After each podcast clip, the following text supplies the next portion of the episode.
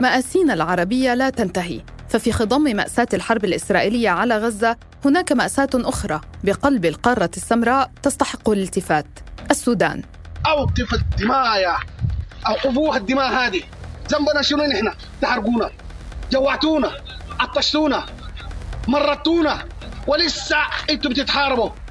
اقتتال داخلي عمره الآن يزيد عن المئتي يوم. يرفع فيه طرفا النزاع لاءات ثلاث. لا هدن طويلة لا تفاهمات لا تنازلات.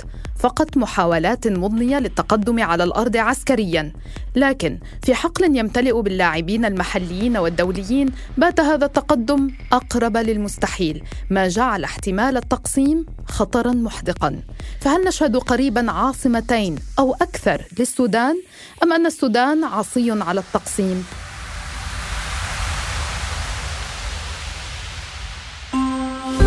بعد أمس. من أثير الجزيرة أنا روعة أوجي.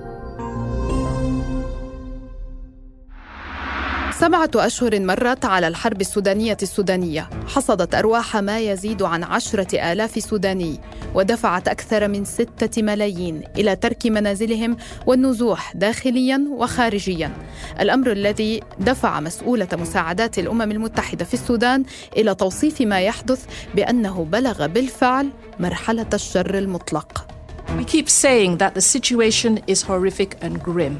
ما زلنا نقول إن الوضع مروع ومظلم، لكن بصراحة لا نملك الكلمات لوصف فظاعة ما يحدث في السودان. ما زلنا نتلقى تقارير مروعة عن العنف الجنسي والعنف القائم على النوع الاجتماعي والاختفاء القسري والاحتجاز التعسفي والانتهاكات الجسيمة فيما يتعلق بحقوق الإنسان والأطفال. إن ما يحدث يقترب من الشر المطلق. Is verging on pure evil.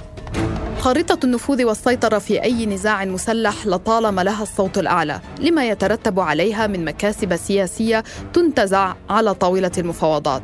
لكن في المشهد السوداني وفي ظل انشغال العالم بالعدوان الإسرائيلي على غزة باتت هي الصوت الوحيد. وفي سبيلها سقطت كل المحاذير قبل أيام قليلة حين قتل مئات المدنيين من قبيلة المساليت غرب دارفور على يد مسلحي القبائل العربية المتحالفة مع قوات التدخل السريع ودفنوا في مقابر جماعية المسلم الكباشي مدير مكتب الجزيرة في السودان ما آخر التطورات في الحرب القائمة في السودان؟ آخر التطورات العسكرية هو استمرار القتال على أشده في مراكزه الرئيسية وخاصة في الخرطوم بمدنها الثلاث الخرطوم والخرطوم بحري وأم درمان.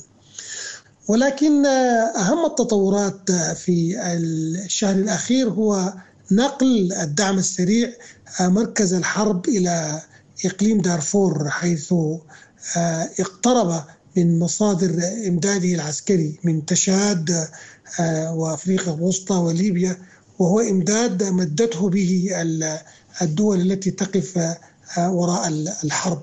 وجود الدعم السريع في هذه المنطقة والتركيز على مركز جديد في الحرب منحه ميزة استراتيجية استطاع بها إسقاط عواصم أربع ولايات في إقليم دارفور من من أصل خمس. وتبقى ولاية شمال دارفور وعاصمتها الفاشر لا تزال في يد الجيش السوداني. ويبدو أن الفاشل تمثل الدعم السريع تحديا كبيرا ليس فقط لوجود فرقة قوية من الجيش فيها ولكن لانضمام قوات ما يسمى بالكفاح المسلح الحركات حركات العدل والمساواة وتحرير السودان وغيرها. انضمامها للقتال مع الجيش وقد كانت هذه الحركات طوال أشهر الحرب في موقع الحياد ولكن هذا الآن هذا الوقت بالذات تتحرك من هذا الموقع موقع الحياد إلى الانضمام إلى الجيش في القتال معه في مدينة الفاشر ولاية وعاصمة ولاية شمال دارفور ما أثر ذلك النقل على مجريات القتال بدارفور خاصة في ظل التركيبة القبائلية المتداخلة هناك؟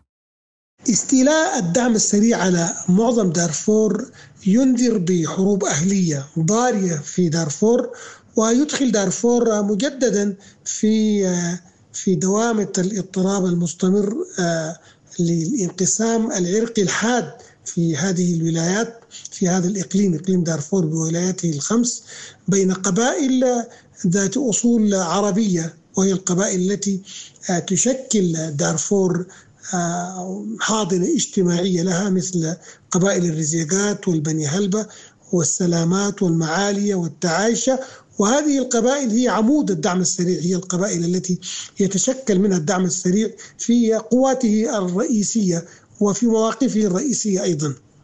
وأكثرهم في جنوب وشرق دارفور. أما القبائل ذات الأصول الأفريقية وهي التي ينتمي إليها أو تنتمي إليها حركات الكفاح المسلح آه هذه القبائل كانت متمردة أو هذه هذه الحركات كانت متمردة على حكومة الإنقاذ السابقة.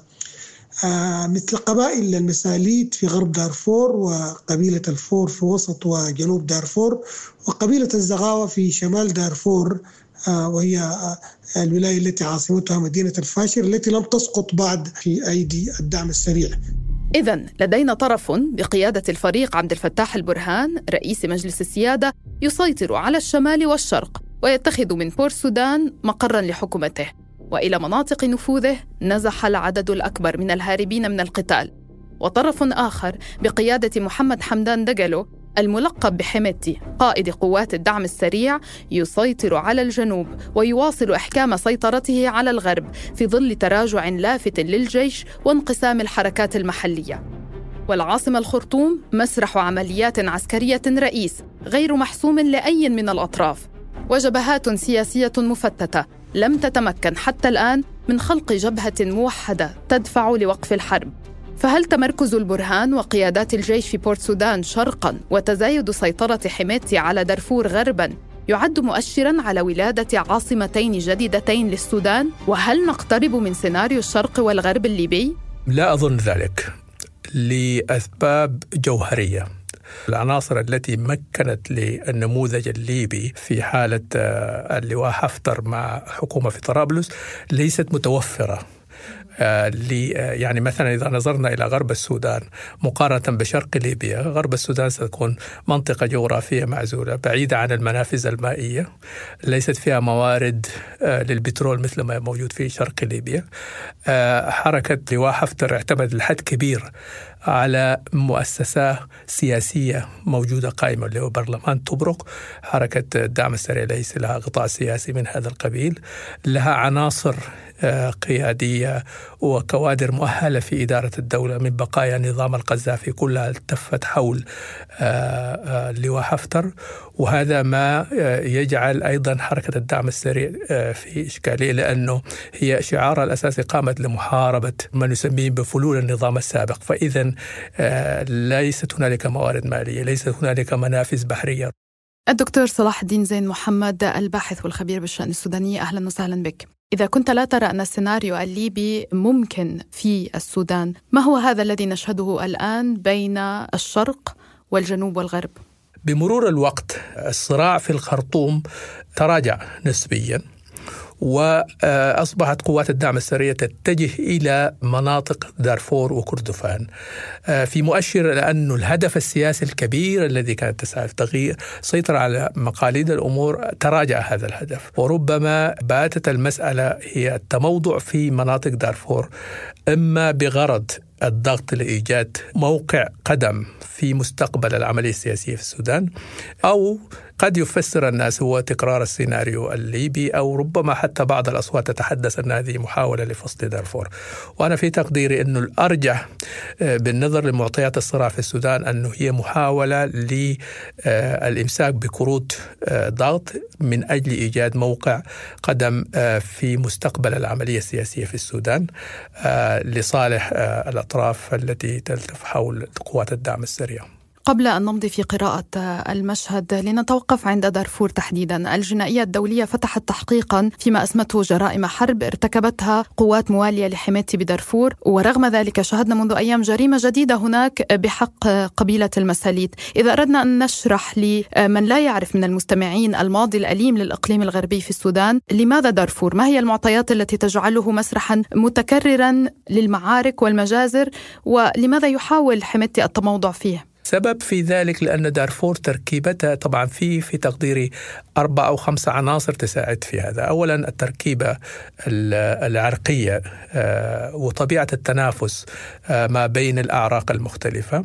في قبائل بطبيعتها قبائل زراعية تعتمد على الزراعة بينما قبائل أخرى تعتمد على رعي الإبل أو الأبقار.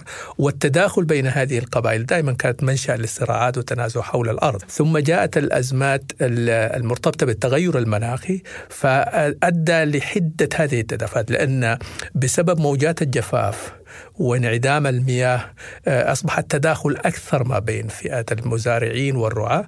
ويضاف إلى ذلك عنصر ظل ملازما للتاريخ السياسي السوداني وهي آه، آه، عنصر ممكن نقول فقدان أو ضعف الثقة بين الطبقة السياسية المركزية في السودان مع الطبقة السياسية في دارفور، هنالك دائما شعور أن دارفور من قبل الطبقة المركزية أن دارفور تنزع نحو أنها تكون مستقلة نوعا ما بحكم أنها كانت سلطنة مستقلة إلى حدود العام 2016 وأن هنالك شعور أيضا لدى الطبقة السياسية في دارفور أنها دائما مظلومة في في تقسيم السلطة والثروة.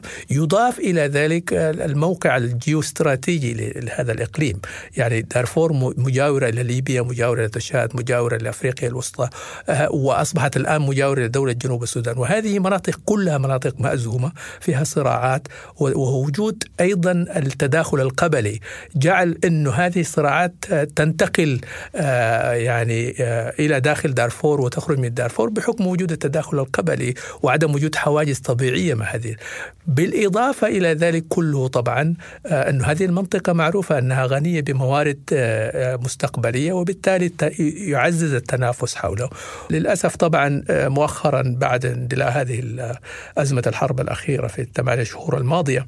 آه، واحدة من الخواصر الضعيفة في الدولة السودانية هي منطقة دارفور بالذات منطقة غرب دارفور لأن القوى الموالية للدعم السريع كانت متمركزة بصورة كبيرة هناك في حين أن القوى النظامية التابعة القوات المسلحة والشرطة كانت آه، ضعيفة نسبيا وأن الصراع على الأرض هناك آه، على أشد. هنالك مناطق يسكنها قبائل المساليت وهذه مناطق زراعية معروفة وفي مطامع من بعض الأطراف إنها آه، تهجرهم من هذه المناطق لتستطيع أن تستفيد من هذه المناطق غنية جدا بموارد الرعي والزراعة والأمطار وتربة خصبة ومنذ 2004 2005 أغلب المجازر ارتكبت في هذه المنطقة. طب أبعد من دارفور يعني فصلت لنا جوانب مختلفة آه، من المعطيات التي آه، تطيل أو توجد الصراع أو القتال في دارفور.